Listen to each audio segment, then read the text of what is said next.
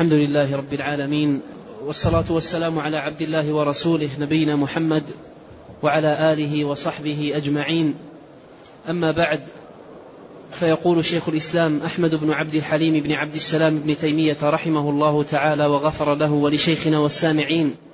قال في العقيدة الواسطية فصل ومن أصول أهل السنة والجماعة أن الدين والإيمان قول وعمل.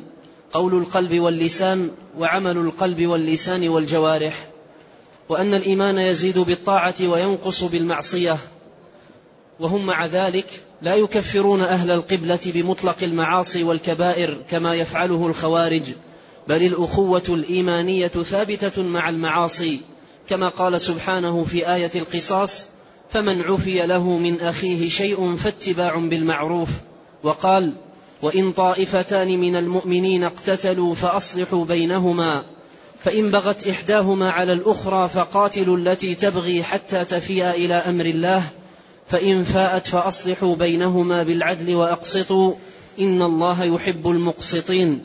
إنما المؤمنون إخوة فأصلحوا بين أخويكم. ولا يسلبون الفاسق الملي الإيمان بالكلية ولا يخلدونه في النار كما تقوله المعتزلة.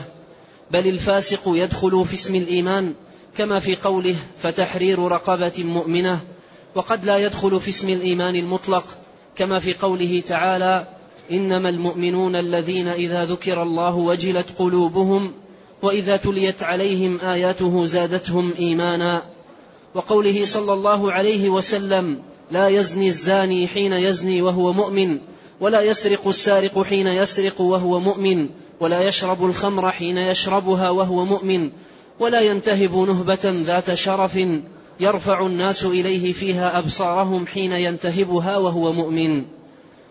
ويقولون هو مؤمن ناقص الإيمان أو مؤمن بإيمانه فاسق بكبيرته فلا يعطى الاسم المطلق ولا يسلب مطلق الاسم.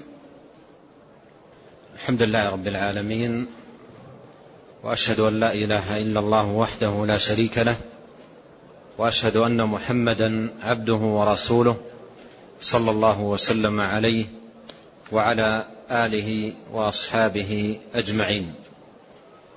أما بعد فهذا فصل عقده شيخ الإسلام ابن تيمية رحمه الله في كتابه العقيدة الواسطية لبيان حقيقة الإيمان وما يشمله هذا الاسم وما يدخل في مسماه وبيان مسائل متعلقة بالإيمان كزيادة الإيمان ونقصانه وغير ذلك مما ذكره رحمه الله تعالى. قال رحمه الله ومن أصول أهل السنة أن الدين والإيمان قول وعمل قول القلب واللسان وعمل القلب واللسان والجوارح. هذا بدء بذكر حد الإيمان وتفسيره. وحدود الأشياء تسبق الأحكام المتعلقة بها والحكم على الشيء فرع عن تصوره. فيبين رحمه الله تعالى هنا أولا حد الإسلام وحقيقة الإيمان. يبين هنا حد الإيمان وحقيقته بذكر التعريف الجامع له. وقوله من أصول أهل السنة أي التي يبنى عليها المعتقد. فيكون المخالف فيها مفارقا للسنة. فيكون المخالف فيها مفارقا للسنة سنة النبي صلى الله عليه وسلم. فهذه يعدها أهل العلم من الأصول اللازمة التي من فارقها فارق السنة. فلا يكون بمخالفته في هذه الأصول من أهل السنة. من أصول أهل السنة أن الدين والإيمان. قوله الدين أصله في اللغة الانقياد. أصله في اللغة الانقياد. وفي الشرع فعل ما أمر الله سبحانه وتعالى به والقيام بما أمر الله سبحانه وتعالى به. والكلمة تشمل أمور الشرع كلها عقيدة وعبادة. ولهذا في حديث جبريل المشهور لما ذكر النبي عليه الصلاة والسلام الإسلام معرفا به والإيمان والإحسان ختم الحديث بقوله هذا جبريل أتاكم يعلمكم دينكم. والله يقول إن الدين عند الله الإسلام. ويقول ومن يبتغي غير الإسلام دينا ويقول اليوم أكملت لكم دينكم. فالدين يشمل شرع الله كله عقيدة وعبادة. والإيمان لغة الإقرار وشرعا تعريفه ما ذكره المصنف رحمه الله. الإيمان شرعا قول وعمل. قول وعمل. ثم بين ذلك. قال قول القلب واللسان وعمل القلب واللسان والجوارح. فهذه كلها تدخل في مسمى الإيمان. أولا قول القلب. وهو ما يكون في القلب من اعتقاد. ما يكون في القلب من اعتقاد وإيمان وإقرار. فهذه قول القلب. وقول اللسان أي النطق بالشهادتين التي هي أصل الدين وأساسه الذي عليه يبنى. وعمل ذكر تحت العمل عمل القلب وعمل اللسان وعمل الجوارح. والمراد بعمل القلب أي الأعمال التي تؤدى بالقلب تقربا إلى الله سبحانه وتعالى كالحياء والخوف والرجاء والإنابة والتوكل وغير ذلك من الأعمال القلبية. فهذه كلها داخلة في مسمى الإيمان. ولهذا قال عليه الصلاة والسلام والحياء شعبة من شعب الإيمان. والحياء عمل من أعمال القلوب. فقوله عمل القلب أي الأعمال التي تؤدى بالقلب الأعمال القلبية. والقلب له وظيفة وله أعمال. وقوله واللسان ذكر بعض أهل العلم للسان في هذا الموضع. يراد به التفريق بين قول اللسان وعمل اللسان. تفريق بين قول اللسان وعمل اللسان. وأن المراد بقول اللسان النطق بالشهادتين التي أصل الإسلام وأساس بناء الدين والمراد بأعمال اللسان أي الأعمال التي يؤديها المسلم بلسانه متقربا إلى الله مما هو زائد على هذا الأصل الذي هو النطق بالشهادتين. مثل الأمر معروف والنهي عن المنكر وتلاوة القرآن والكلام الطيب وتعليم العلم والدعاء والأذكار عموما هذه كلها أعمال تؤدى باللسان. وقوله عمل الجوارح أي الأعمال التي يؤديها المسلم بجوارحه من صلاة وصيام وصدقة وغير ذلك. فهذا حد الإيمان. فهذا حد الإيمان وهو يتناول هذه الأمور كلها وهي داخلة في مسمى الإيمان. فالإيمان قول واعتقاد وعمل. والإيمان يزيد بالطاعة وينقص بالمعصية. والإيمان يزيد بالطاعة وينقص بالمعصية. يزيد بطاعة الله. فالإيمان يزيد ولزيادته سبب وهو طاعة الله بمعنى أنه كلما ازداد طاعة لله وتقربا إليه سبحانه وتعالى زاد بذلكم إيمانه. زاد بذلكم إيمانه. وينقص الإيمان وسبب نقصه فعل المعاصي. فإذا فعل المعاصي وقارفها وارتكبها نقص إيمانه بحسب ما وقع فيه من معاصي. فالإيمان يزيد بطاعة الله وينقص بمعصيته سبحانه وتعالى.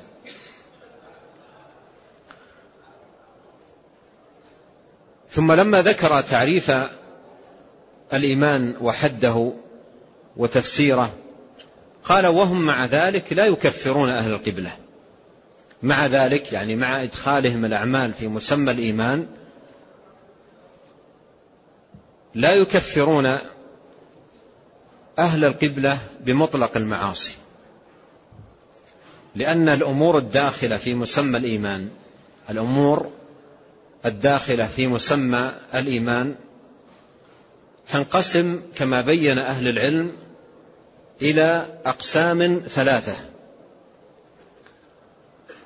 القسم الأول ما إذا انتفى انتفى الإيمان من أصله. وكان المرء بانتفاء ذلك منه كافرا خارجا من الملة. والقسم الثاني ما إذا انتفى انتفى كمال الإيمان الواجب. انتفى كمال الإيمان الواجب. فيكون بذلكم مؤمنا فاسقا. مؤمنا ناقص الإيمان مؤمنا بإيمانه فاسقا بكبيرته وعصيانه. وقسم ثالث انتفاؤه يؤثر في كمال الإيمان المستحب. بمعنى إن كان فعله زاد إيمانه وأثيب وإن لم يفعله لم يأثم بعدم فعله. لكن إن فعله أثيب عليه وزاد إيمانه على من لم يفعل ذلك. وكان أزيد إيمانا ممن لم يفعل ذلك. وهذا يتناول الرغائب والنوافل والمستحبات. قد مر معنا في الحديث لا يزال عبدي يتقرب إلي بالنوافل. فالنوافل كل ما تقرب العبد بها إلى الله سبحانه وتعالى زاد إيمانه وإذا تركها لم يأثم بالترك. لم يأثم بتركها. فإذا هذه أو هذا التقسيم يتعلق بالأمور الداخلة في مسمى الإيمان. الداخلة في مسمى الإيمان فمنها ما يذهب الإيمان من أصله بذهابه ومنها ما يذهب بذهابه كمال الإيمان الواجب ومنها ما يذهب بذهابه كمال الإيمان المستحب. وقول المصنف وهم مع ذلك لا يكفرون أهل القبلة بمطلق المعاصي والكبائر. المعاصي تنقص الإيمان. المعاصي التي هي دون الكفر والشرك بالله تنقص الإيمان ولا تذهب الإيمان من أصله. فأهل السنة لا يكفرون أهل القبلة. لا يكفرون أهل القبلة. مراده بأهل القبلة أي المسلم الذي يستقبل القبلة ويصلي ويعبد الله سبحانه وتعالى.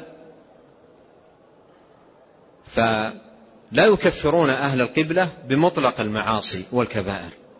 يعني بمجرد المعاصي والكبائر أي التي دون الشرك والكفر بالله سبحانه وتعالى. كما يفعله الخوارج.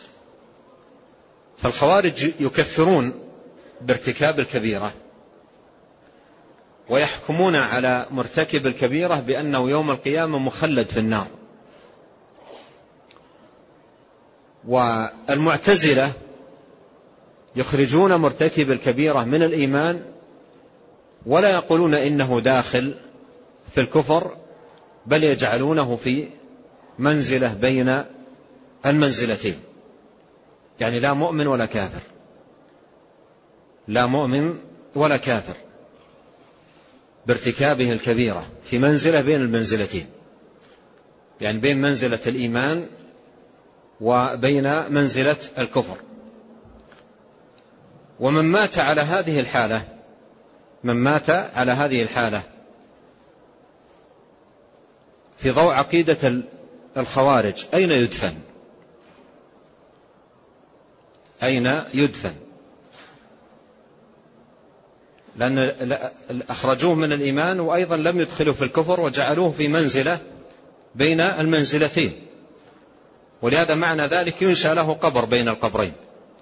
بين قبور الكفار وبين قبور المؤمنين.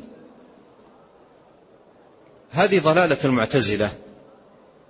هذه ضلالة المعتزلة ويعتقدون أنه يوم القيامة مخلد في النار. فإذا هم يتفقون مع الخوارج في أمرين. يتفقون معهم في أنه خارج من الإيمان ويتفقون معهم أنه مخلد يوم القيامة في النيران. لكن الخوارج يقولون هو كافر والمعتزل يقول لا مؤمن ولا كافر بل هو في منزلة بين المنزلتين. قال لا يكفرون أهل القبلة بمطلق المعاصي والكبائر كما يفعله الخوارج. كما يفعله الخوارج. والخوارج بهذا بهذه العقيدة الفاسدة الباطلة. لم يكفروا فقط أفراد المسلمين وأحاد المسلمين بل حصل منهم أن كفروا من شهد له النبي عليه الصلاة والسلام بالجنة. وهذا من أعجب العجب. النبي صلى الله عليه وسلم يشهد له بالجنة وهم يكفرونه. كتكفيرهم لعلي بن أبي طالب رضي الله عنه وأرضاه. النبي عليه الصلاة والسلام شهد له بالجنة وأنه من أهل الجنة. ثم أولئك يحكمون عليه بالكفر بناء على هذه العقيدة آه، الباطلة أيضا فيما ظنوه. في علي رضي الله عنه أنه مرتكب لكبيرة أوجبت عندهم الحكم عليه بالكفر مع أن ذلك ظن وقع فيه أولئك وهم مخطئون فيما ظنوا ومسيئون في ظنهم في علي رضي الله عنه وأرضاه. قال بل الأخوة الإيمانية ثابتة مع المعاصي. بل الأخوة الإيمانية ثابتة مع المعاصي. أخوة الإيمان باقية. مع وجود المعاصي باقية الأخوة لأنه لم يخرج من الدين. لم يخرج من الدين. فإذا وقع في المعصية معصيته لا تخرجه من الإيمان. فأخوة الإيمان باقية. نعم لا يكون بالمعصية مؤمن كامل الإيمان كما تقوله المرجئة. لكنه أخوة الإيمان باقية فهو مؤمن بإيمانه فاسق بكبيرته ولهذا له نصيب من الحب ونصيب من البغض يحب على ما عنده من إيمان ويبغض على ما عنده من عصيان فلا يحب الحب الكامل ولا يبغض أيضا البغض الكامل بل يحب على إيمانه ويبغض أيضا على عصيانه. فالأخوة الإيمانية باقية وثابتة مع المعاصي بمعنى أن المعاصي لا تخرج العبد من الأخوة الإيمانية. لا تخرجه من الأخوة الإيمانية. ما الدليل على ذلك؟ ما الدليل على أن المعاصي والكبائر التي دون الكفر لا تخرج العبد من الأخوة الإيمانية؟ قال كما قال سبحانه في آية القصاص كما قال سبحانه في آية القصاص فمن عفي له من أخيه وهذا موضع الشاهد. فمن عفي له من أخيه شيء فاتباع بالمعروف. فمن عفي له من أخيه. فسمى القاتل أخا لأولياء المقتول. فسمى القاتل أخا لأولياء المقتول. لاحظ معي سمى القاتل أخا لأولياء المقتول مع أنه ارتكب كبيرة وهي كبيرة القتل. والذين لا يدعون مع الله إلها آخر ولا يقتلون النفس التي حرم الله إلا بالحق ولا يزنون. هذه كلها كبائر. قال في في حجة الوداع على إنما هن أربع يعني الكبائر العظام أو أكبر الكبائر الشرك بالله وذكر منها قتل النفس التي حرم الله إلا بالحق. فالقتل كبيرة كبيرة من كبائر الذنوب. فمع أن القاتل مرتكب لكبيرة إلا أن الله سماه ماذا؟ أخا. قال فمن عفي له من أخيه. وما المراد بالأخوة هنا؟ أخوة الدين. المراد بالأخوة هنا أخوة الدين. فمع وجود هذه المعصية مع وجود هذه الكبيرة كبيرة القتل سماه أخا. والمراد أخوة الدين. المراد أخوة الدين أخوة الإيمان. مثل هذه الآية في الدلالة أيضا قول الله سبحانه وإن طائفتان من المؤمنين اقتتلوا. الاقتتال كبيرة. الاقتتال كبيرة. أن يلتقي المسلمان والمسلمون بالسيوف يقتل بعضهم بعضا. يقول وإن طائفتان من المؤمنين اقتتلوا مع وجود الاقتتال سماهم سبحانه وتعالى مؤمنين. سماهم مؤمنين. فباقي وصف الإيمان باقي لم يخرجوا بهذا الاقتتال من وصف الإيمان. والأخوة الإيمانية أيضا ثابتة لهم. قال وإن طائفتان من المؤمنين اقتتلوا فأصلحوا بينهما فإن بغت إحداهما على الأخرى فقاتلوا التي تبغي حتى تفيء إلى أمر الله فإن فاءت فأصلحوا بينهما بالعدل وأقسطوا. إن الله يحب المقسطين. إنما المؤمنون إخوة. أي حتى مع وجود هذا الاقتتال بينهم هم أخوة, إخوة. إنما المؤمنون إخوة فأصلحوا بين أخويكم. فأصلحوا بين أخويكم. يعني إذا وجد اقتتال بين أخوين هذا كبيرة. هذا كبيرة. ومع ذلك سماهم سمى المقتتلين أخوين. فإذا الأخوة الإيمانية باقية مع وجود المعاصي. وليس معنى بقائها أن مرتكب الكبيرة مثله سواء مثل من لا يرتكب الكبيرة ليس هذا هو المعنى. فالذي لا يعرف إلا بخير له حب لا بغض معه. لأنه ليس هناك ما يوجب أن يبغض.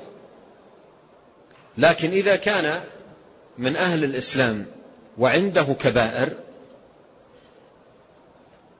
فله نصيب من المحبة بحسب إسلامه وله نصيب من البغض بحسب عصيانه بينما عند الخوارج مرتكب الكبيرة لا حظ له أصلا من المحبة لأنه خرج من الإيمان خرج من الأخوة الإيمانية فلا يحب أصلا. ليس له إلا البغض الكامل مثل الكافر سواء لأنه قد عد عندهم كافرا منتقلا من ملة الإسلام.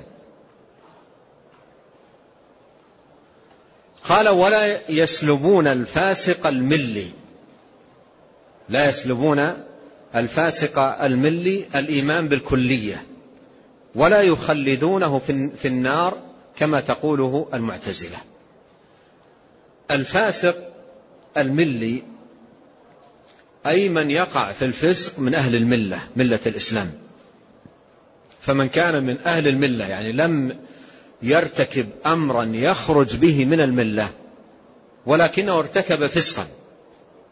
والفسق الخروج عن الطاعة بارتكاب المعاصي والكبائر.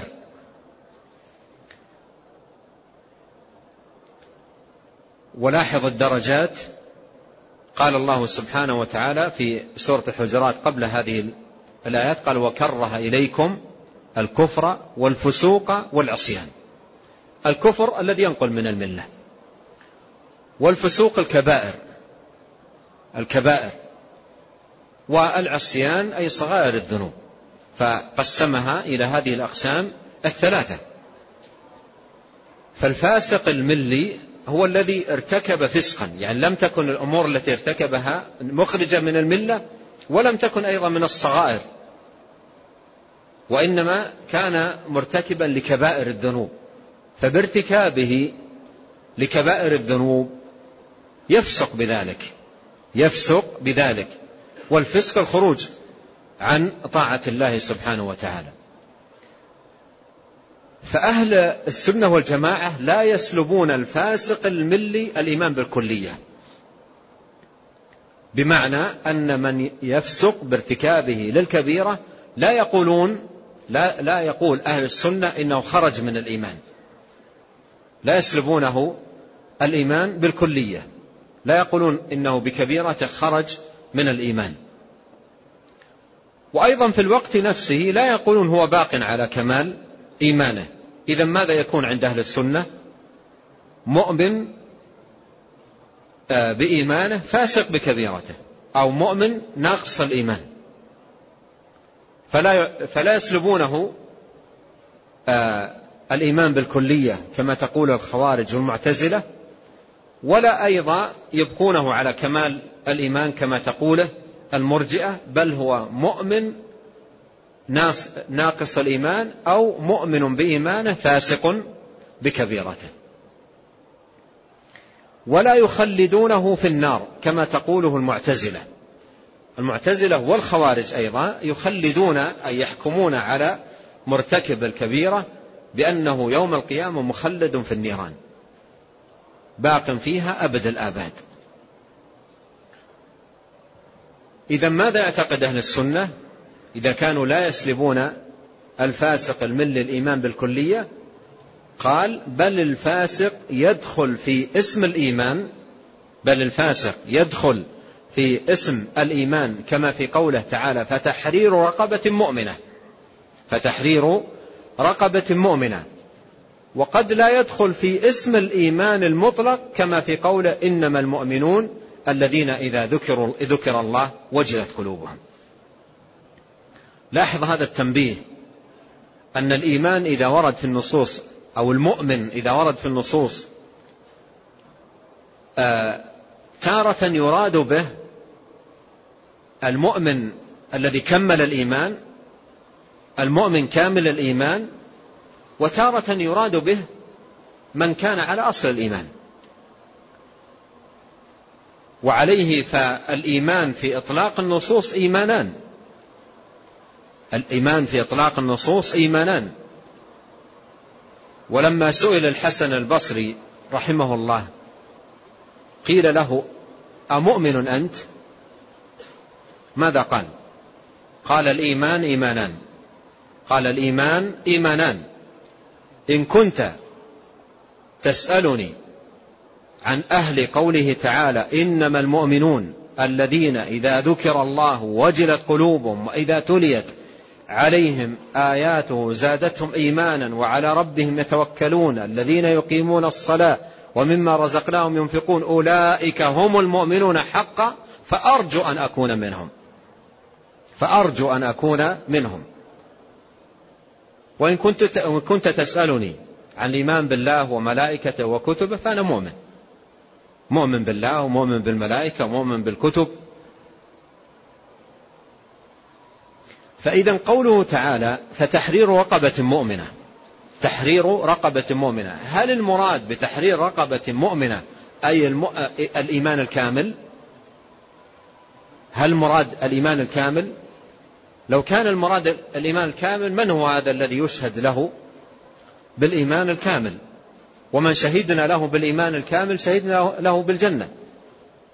من الذي يشهد له بالإيمان الكامل؟ ولهذا من عقيدة أهل السنة الاستثناء في الإيمان. إذا قيل لأحدهم أمؤمن أنت؟ قال إن شاء الله. أو أرجو. لماذا؟ لأن الإيمان بالإطلاق يشمل الدين كله. ومن الذي يشهد لنفسه أنه كمل الإيمان وكمل الدين؟ فإذا قوله تعالى فتحرير رقبة مؤمنة. تحرير رقبة مؤمنة. مرتكب الكبيرة. مرتكب الكبيرة. يدخل تحت هذه الآية ولا لا يدخل؟ بمعنى لو أن شخصا عليه عتق رقبة وأعتق رجلا مسلم معروف بالإسلام يصلي لكنه معروف بالفسق عنده كبيرة. هل أدى الواجب أو لم يؤده؟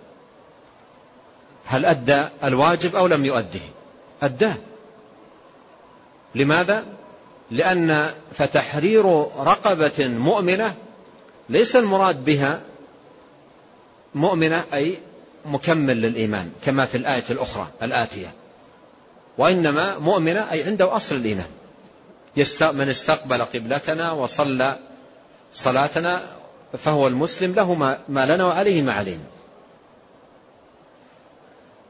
فإذا الفاسق يدخل في اسم الإيمان كما في قوله فتحرير رقبة مؤمنة فتحرير رقبة مؤمنة وقد لا يدخل في اسم الإيمان المطلق كما في قوله إنما المؤمنون.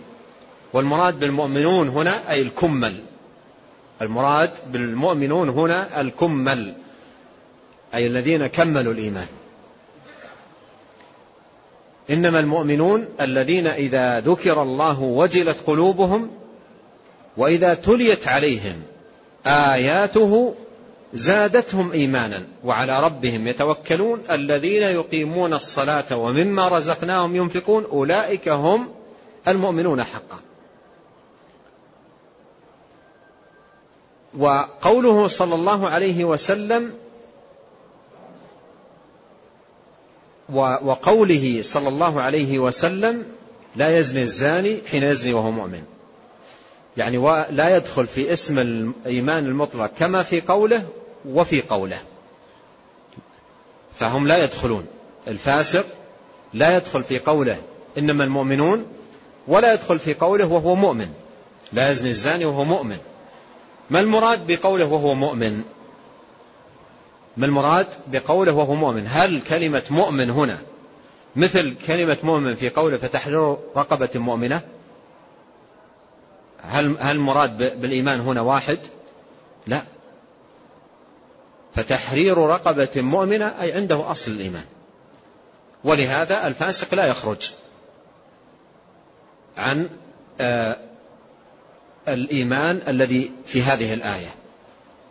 لكن هل يدخل في الإيمان في إنما المؤمنون؟ وفي قوله لا يزني الزاني حين يزني وهو مؤمن. هذا نفي للإيمان عنه. قال لا يزني الزاني حين يزني وهو مؤمن هذا نفي للإيمان عنه. نفى عنه الإيمان. ويأتي نفي الإيمان في النصوص كثيرا عن آه، مرتكب الكبيرة أو تارك الواجب. أو تارك الواجب. ولا ينفى الإيمان إلا في ارتكاب كبيرة أو في ترك واجب من واجبات الدين. وهذه قاعدة. الإيمان لا ينفى في النصوص إلا في فعل محرم أو ترك واجب. الإيمان لا ينفى في النصوص إلا في ارتكاب محرم أو ترك واجب. لكن لو ترك مستحبا لا ينفع عنه الإيمان. لو فعل مكروها لا ينفع عنه الإيمان. فنفي الإيمان لا يكون إلا في ترك آه، واجب أو فعل محرم. في في ترك واجب أو فعل محرم. قال وقوله صلى الله عليه وسلم لا يزني الزاني حين يزني وهو مؤمن. هنا نفي عن الزاني الإيمان.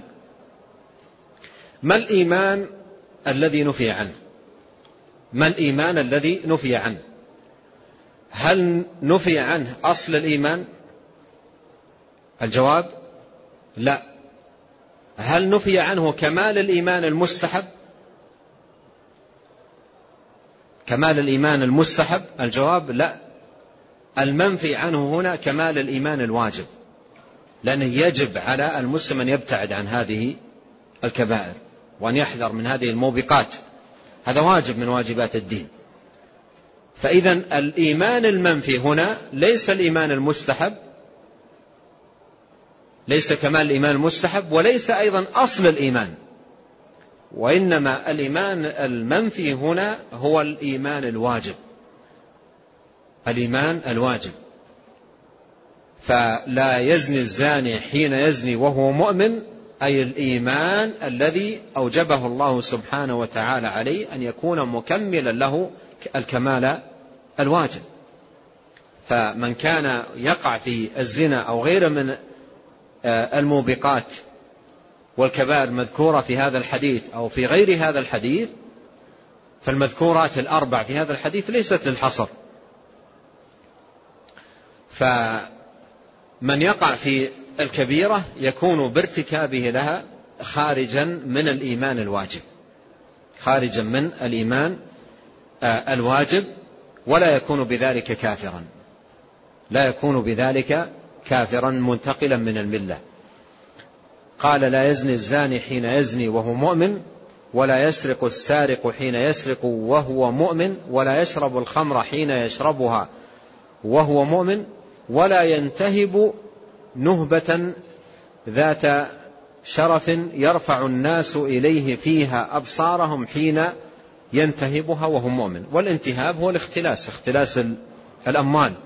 وذات شرف أي ذات قدر. وذات شأن. فهذه الأمور فعلها من كبائر الذنوب. لو سألتكم هنا سؤالا كيف عرفنا من هذا الحديث أن هذه الأمور من الكبائر؟ كيف عرفنا من هذا الحديث أن هذه الأمور من الكبائر؟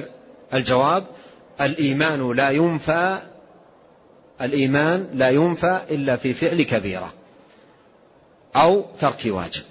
قاعدة هذه. الإيمان لا ينفى إلا في فعل كبيرة أو ترك واجب. وكل ما ترى نفي الإيمان في نص من النصوص فهذا إما لفعل كبيرة من الكبائر أو ترك واجب من الواجبات. قال ويقولون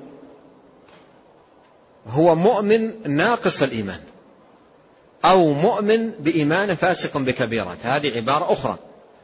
مؤمن ناقص الإيمان.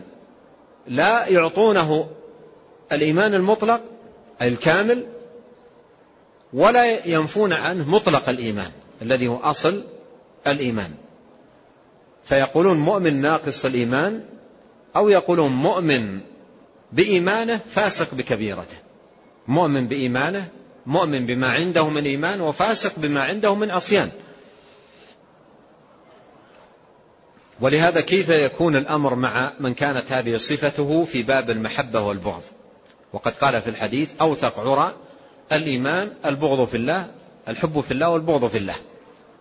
أقسام الناس في الحب والبغض ثلاثة. قسم له الحب الكامل الذي لا بغض معه وهو المؤمن وقسم له البغض الكامل الذي لا حب معه وهو الكافر وقسم له حب وبغض وهو المؤمن الفاسق. فيحب على ما عنده من إيمان ويبغض على ما عنده من فسق وعصيان. قال فلا يعطى الاسم المطلق ولا يسلب مطلق الاسم. لا يعطى الاسم المطلق. الاسم المطلق أي اسم الإيمان المطلق الكامل في مثل قوله تعالى إنما المؤمنون. فالاسم المطلق لا يعطى إياه من كان مرتكبا للكبيرة. وفي الوقت نفسه لا يسلب مطلق الاسم بمعنى أنه لا يخرج من الدين بالكلية. لا ينفع عن أصل الإيمان. بكبيرته يعني بفعله لهذه الكبيرة التي هي ليست ناقلة لفاعلها عن الملة. فلا يعطى الاسم المطلق ولا يسلب مطلق الاسم. إذا ماذا يكون؟ مثل ما سبق مؤمن ناقص الإيمان أو مؤمن بإيمانه فاسق بكبيرته. هذه خلاصة متينة ورصينة ووافية في قول أهل السنة والجماعة في الإيمان وهذه الجملة التي ذكرها هنا رحمه الله فصلها التفصيل الوافي وبينها البيان الشافي في كتابه الإيمان الكبير وكتابه الإيمان الأوسط وكلاهما مطبوع. فهذه الجملة المختصرة فصلها هناك تفصيلا بديعا للغاية. وللإمام العلامة عبد الرحمن بن ناصر السعدي رحمه الله تعالى السعدي رحمه الله تعالى له كتاب نفيس جدا في الإيمان. حقيقة ينبغي أن يعتنى به. هو كتاب التوضيح والبيان لشجرة الإيمان. وقسمه رحمه الله إلى أقسام ثلاثة. الأول في حد الإيمان وتفسيره والثاني في الأمور التي يستمد منها الإيمان والثالث في ثمرات الإيمان وفوائده. ونكتفي بهذا القدر والله تعالى أعلم وصلى الله وسلم على عبده ورسوله نبينا محمد وآله وصحبه أجمعين. نعم. أحسن الله إليكم وبارك فيكم ونفعنا الله بما قلتم وغفر الله لنا ولكم وللمسلمين. يقول هذا السائل ما أسباب ظاهرة ضعف الإيمان؟ ظاهرة ضعف الإيمان أعظم سبب لها كثرة الفتن في هذا الزمان وكثرة الصوارف والصواد التي انفتحت على الناس في هذا الزمان مما لم يكن لها وجود في زمن سابق. وأصبحت الأمور التي تفتن الإنسان في في دينه وفي إيمانه وفي عقيدته وفي عبادته كثيرة جدا. ووجد في زماننا هذا نوع من الخلوة المحرمة التي لم يكن لها وجود في زمن سابق. ما هي هذه الخلوة؟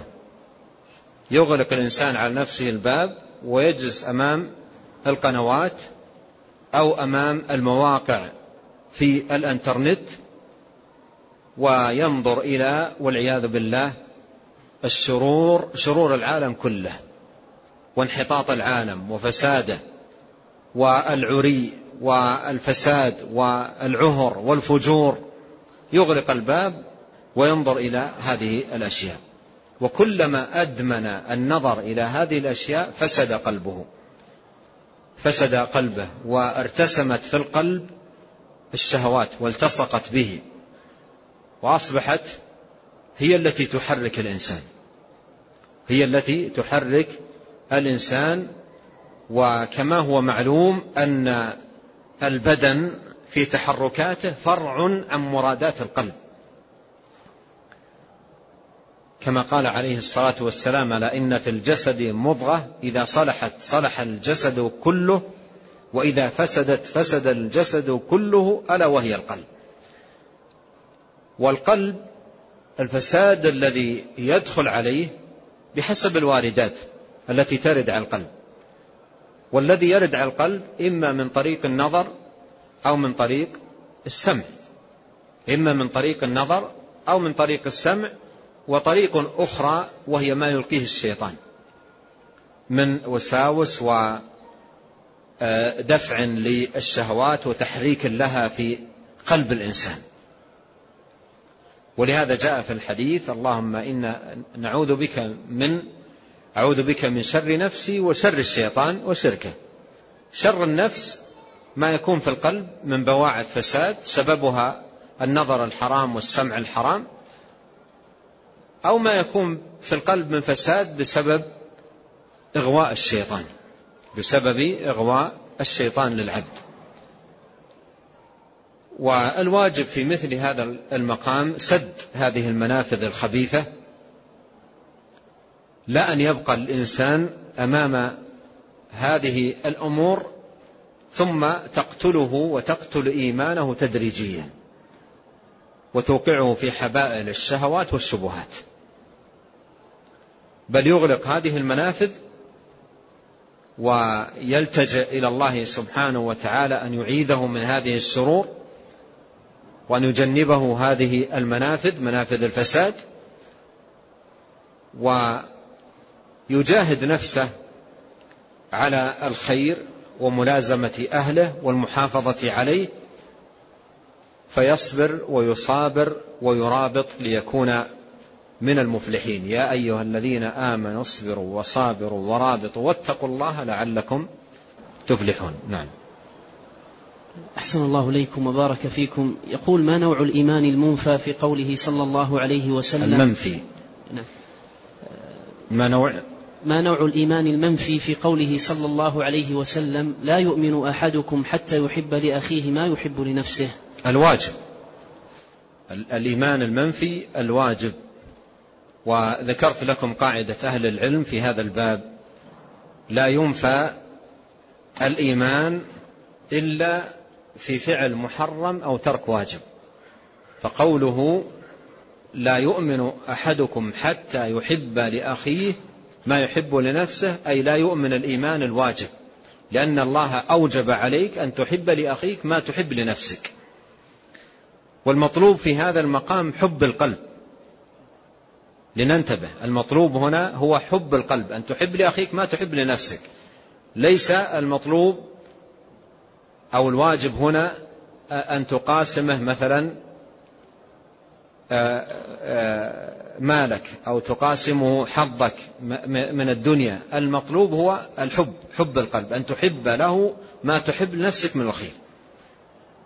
فإذا كان الإنسان لا يحب لإخوانه ما يحب لنفسه من الخير أو يبغض لهم يبغض لهم آه، ما يحبه لنفسه من الخير. مثل لو أن شخصا مثلا صحيح البدن ولا يحب صحة البدن لأحد من إخوانه يحب لإخوانه المرض. هل هذا نقص في إيمانه المستحب ولا الواجب؟ هل هذا نقص في إيمانه المستحب أو الواجب؟ يعني شخص أعطاه الله صحة ولا يحب هذه الصحة لإخوانه يحب لهم المرض. هذا نقص مستحب ولا نقص واجب؟ شخص أعطاه الله عز وجل عبادة وإيمان وذكر وطاعة مثلا ولا يحب هذا لإخوانه. ما يحب أن يكونوا آه، لهم آه، عبادة ولهم صلاة ولهم لا يحب ذلك. هذا نقص في الإيمان واجب. ليس نقصا في الإيمان المستحب. نعم. القاعدة في الباب أن الإيمان لا ينفى إلا في ترك واجب أو فعل محرم. نعم. أحسن الله إليكم. يقول وفي قوله كذلك ليس مؤمنا من بات شبعان وجاره جوعان وكما قال صلى الله عليه وسلم. نفسه. إذا كان المسلم أعطاه الله سبحانه وتعالى من المال والخير والطعام ما هو زائد عن عن حاجته شبعان وعنده طعام ويعرف يعرف أن أو يعلم أن جاره يتلوى جوعا. فهل تركه لإطعام جاره في مثل هذه الحال دليل على نقص إيمان مستحب أو إيمان واجب؟ لأن في مثل هذه الحال يجب عليه إذا كان يعلم أن جاره بهذه الصفة جائعا يتلوى من الجوع وعنده طعام يجب عليه أن أن يعطيه. نعم. أحسن الله إليكم. يقول ما العلاقة بين عدم تكفير تارك الصلاة والإرجاء؟ ترك الصلاة كفر. ترك الصلاة كفر بالله عز وجل والدلائل على كفر تارك الصلاة كثيرة. بل حكاه بعض أهل العلم إجماعا وابن القيم رحمه الله له بسط وسياق وافي للأدلة في هذا في كتابه الصلاة رحمه الله تعالى. فترك الصلاة كفر ناقل من الملة. قال عليه الصلاة والسلام العهد الذي بيننا وبينهم الصلاة فمن تركها فقد كفر. وقد مر معنا تقسيم الأمور الداخلة في مسمى الإيمان إلى أقسام ثلاثة. والصلاة من القسم الأول التي بتركها يخرج من الإيمان بالكلية. نعم. أحسن الله إليكم. يقول السائل هل هناك فرق بين نفي الإيمان الواجب ونفي كمال الإيمان الواجب؟ هو نفسه. أحسن الله إليكم. يقول مر معنا بالأمس أو قال غير واحد من أهل السنة بأن المعدوم لا يدخل تحت القدرة فما معنى هذه المقالة وما صحتها؟ الذي يدخل تحت القدرة مثل ما ذكر شيخ الإسلام آه، رحمه الله تعالى آه، الموجودات والمعدومات. والذي ذكره العلم ليس ما أشار إليه السائل وإنما هو الممتنع. الممتنع. أما الواجب وأما الموجود والمعدوم السائل ماذا قال؟ قال أحسن الله عليكم. قال غير واحد من أهل السنة بأن المعدوم لا يدخل تحت القدرة. المعدوم الذي لا يدخل تحت القدرة الممتنع أما الواجب يدخل تحت القدرة مثل ما مر معنا. والله عز وجل قال إن الله على كل شيء قدير. إن الله على كل شيء قدير. فالواجب فالموجود والمعدوم كلها داخلة تحت القدرة. والله سبحانه وتعالى أوجد الإنسان من العدم. أوجده من العدم. هل أتى على الإنسان حين من الدهر لم يكن شيئا مذكورا؟ والممتنع هو الذي يقال فيه هذا الكلام ليس الموجود ولا المعدوم. نعم. أحسن الله إليكم. يقول متى يكون نفي الإيمان المستحب؟ في ترك مستحب. نفي الإيمان المستحب في ترك مستحب. من ترك مستحبا من المستحبات يكون آه، بذلك آه، يكون بذلك انتفى عنه كمال الإيمان المستحب كمال الإيمان المستحب. فلا يدخل في درجة الإيمان العالية التي هي درجة السابقين بالخيرات أو المقربين إذا, تارك إذا كان تاركا للنوافل والمستحبات. وقد عرفنا فيما سبق أن المقتصد هو الذي فعل الواجب وترك المحرم والسابق بالخيرات هو من أضاف إلى ذلك فعل الرغائب والمستحبات. نعم. أحسن الله إليكم. يقول ينس شيخنا جزاكم الله خيرا. نسأل ممن ينسب إلى طلب العلم فضلا عن العوام بإطلاق كلمة الفاسق على أخيه المؤمن فما توجيهكم حفظكم الله؟ مثل هذه يعني الأحكام لا ينبغي الإنسان أن يتسرع في إطلاقها وأيضا لا ينبغي أن يطلقها بناء على انفعالات النفس يعني وقت الغضب. لأن كثيرا من الإطلاقات تكون في حال الغضب. وكثير من الكلمات يطلقها الإنسان في حال غضبه ثم إذا سكن الغضب ندم على إطلاقها. ولهذا في المخاصمات والملاسنات والمشادات التي تكون بين الناس كثيرا ما تطلق مثل هذه الكلمات. فحال انفعاله وغضبه يقول له يا فاجر يا فاسق يا إلى آخره يطلق عليه وربما لعنه أو شتمه وربما أيضا ألحق معه باللعن أهله وقبيلته وقرابته وجيرانه كل يعني في هذه تحصل من بعض الناس في حال الغضب. والنبي صلى الله عليه وسلم قال لا تغضب. وقال إذا غضب أحدكم فليسكت. لأن الكلام وقت الغضب غير منضبط. غير منضبط. فعلى كل حال مثل هذه الإطلاقات لا ينبغي أن تكون إلا بعلم وأنات وروية ومعرفة للأدلة ومعرفة بحال من أطلقت عليه. وإلا فإن السكوت يسع الإنسان ومن صمت نجا. نعم. أحسن الله إليكم. يقول كيف أنصح طالب العلم بمع بمعنى أن الإنسان في مثل هذه الأمور إما أن يتكلم بعلم أو يسكت بحلم. أما أن يتكلم بلا علم ولا حلم هذا الذي يورد صاحبه الموارد. نعم. أحسن الله إليكم. يقول كيف أنصح طالب العلم الذي ترك طلب العلم ووقع في بعض المعاصي والآن يقول أنا ضعيف الإيمان فاقد للهمة؟ فهل يجوز مثل هذا الكلام؟ ينصح ينصح ويدعى له لأن الفتن كما أسلفت تعصف بطالب العلم وغيره. وطالب العلم إذا فتح لهذه المنافذ هو مثل غيره. هو مثل غيره. تؤثر فيه مثل ما تؤثر في غيره. وتجره إلى الشبهات وإلى الشهوات مثل غيره. وقد تتحول حالة من لذة إيمان إلى فجور وعصيان والعياذ بالله. فعليه أن يتقي الله سبحانه وتعالى وأن يحمد الله على ما من عليه من تذوق للعلم ومعرفة بقدره ومكانته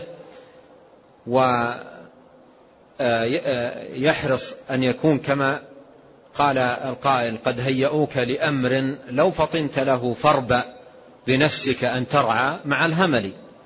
بعد أن أكرمه الله بمجالس العلم ووقار العلم وأدب الدين كيف يرضى لنفسه أن يذهب آه، ليرعى مع الهمل؟ كيف يرضى لنفسه وقد ذاق مجالس العلم وحلاوتها ثم يذهب لينظر الفاسقات والفاسقين والفاجرات والفاجرين ويشاهدهم بنظره ويسمع كلامهم بأذنه. هذه مصيبة المصائب. نعم. أحسن الله إليكم. يقول ما حد المعصية التي يقال بها على المؤمن أنه فاسق؟ وهل كل معصية صغيرة أو كبيرة يطلق على صاحبها ومرتكبها بأنه فاسق؟ الفسق هو الخروج عن الطاعة بارتكاب كبيرة من كبائر الذنوب. بارتكاب كبيرة من كبائر الذنوب. وإذا ذكر الفسق مقرونا بالكفر مثل ما مر لأن الكفر أيضا خروج عن الطاعة. فهو فسق والكافر فاسق. لكن إذا ذكر الكفر والفسوق والعصيان مثل ما في الآية وكره إليكم الكفر والفسوق والعصيان هذه ثلاث مراتب الآن. فالكفر هو ما ينقل من الملة والفسوق هو آه، المعاصي الكبائر التي توجب العقوبة توجب العقوبة والعصيان ما دون ذلك. العصيان ما دون ذلك. والله عز وجل آه، يقول آه، الصلوات آه، يقول عليه الصلاة والسلام الصلوات الخمس ورمضان إلى رمضان مكفرات لما بينهن ما اجتنبت الكبائر مكفرات لما بينهن يعني من معاصي دون الكبائر من معاصي دون الكبائر. وقال إن تجتنبوا كبائر قال الله تعالى إن تجتنبوا كبائر ما تنهون عنه نكفر عنكم سيئاتكم. السيئات هنا التي دون الكبائر. نعم. أحسن الله إليكم. يقول هناك من يفسر أعمال الجوارح بأنها النطق باللسان فيقولون الإيمان قول واعتقاد وعمل ثم تفسر الأعمال بأنها النطق باللسان فهل هذا صحيح؟ لا ليس صحيح. ليس صحيحا. بل أعمال الجوارح هي أيضا من أركان الدين. فالدين يقوم على هذه الأركان. يقوم على قول على الاعتقاد الذي في القلب والقول الذي في اللسان والأعمال التي في الجوارح. نعم. أحسن الله إليكم. يقول هل الشهادة لشخص بأنه ولي من أولياء الله كالشهادة له بالإيمان الكامل؟ نعم. هل يصح ذلك؟ نعم. الشهادة له بأنه ولي مثل الشهادة له بالإيمان الكامل. وأولياء الله على درجتين. أولياء الله على درجتين كما هو كما هو واضح في حديث الولي. من عادى لي وليا فقد آذنته بالحرب وما تقرب إلي عبدي بشيء أحب إلي مما افترضته عليه ولا يزال عبدي يتقرب إلي بالنوافل حتى أحبه. فأولياء الله على درجتين الدرجة الأولى درجة المقتصدين وهم الذين فعلوا الواجب وتركوا المحرم. والدرجة الثانية وهي الأعلى درجة السابقين بالخيرات. ولا يزال عبدي يتقرب إلي بالنوافل حتى أحبه فإذا أحببته كنت سمعه الذي يسمع به إلى آخر الحديث. فالشهادة لإنسان ما بالولاية هذه تزكية. والله تعالى يقول فلا تزكوا أنفسكم هو أعلم بمن اتقى.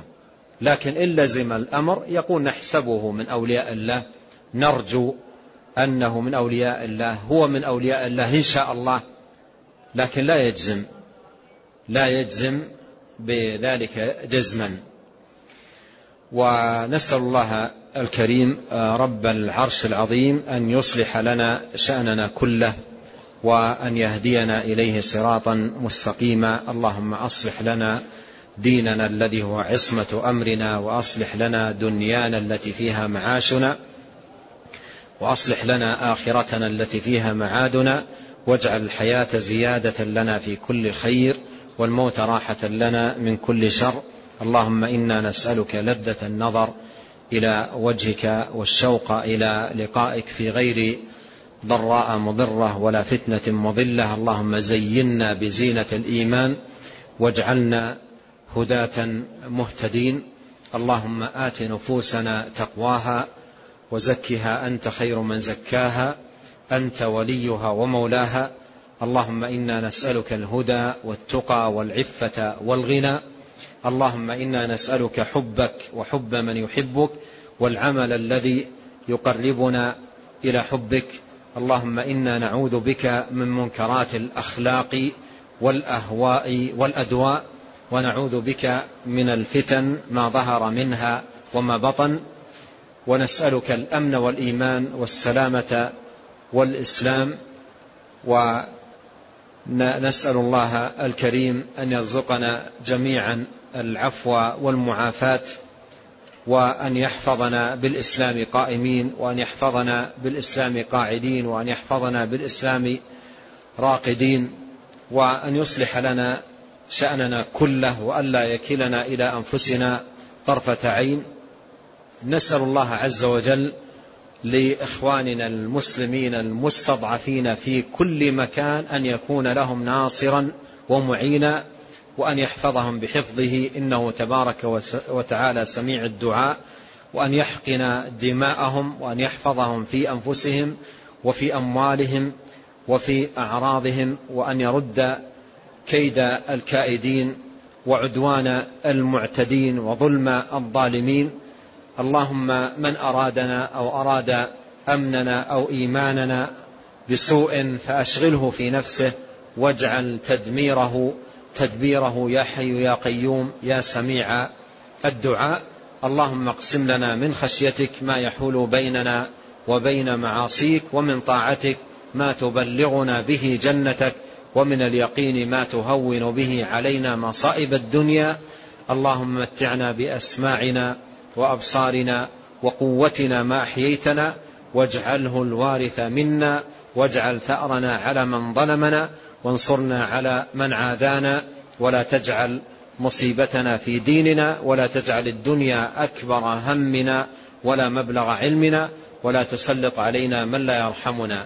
سبحانك اللهم وبحمدك أشهد أن لا إله إلا أنت أستغفرك وأتوب إليك. اللهم صل وسلم على عبدك ورسولك نبينا محمد وآله وصحبه أجمعين.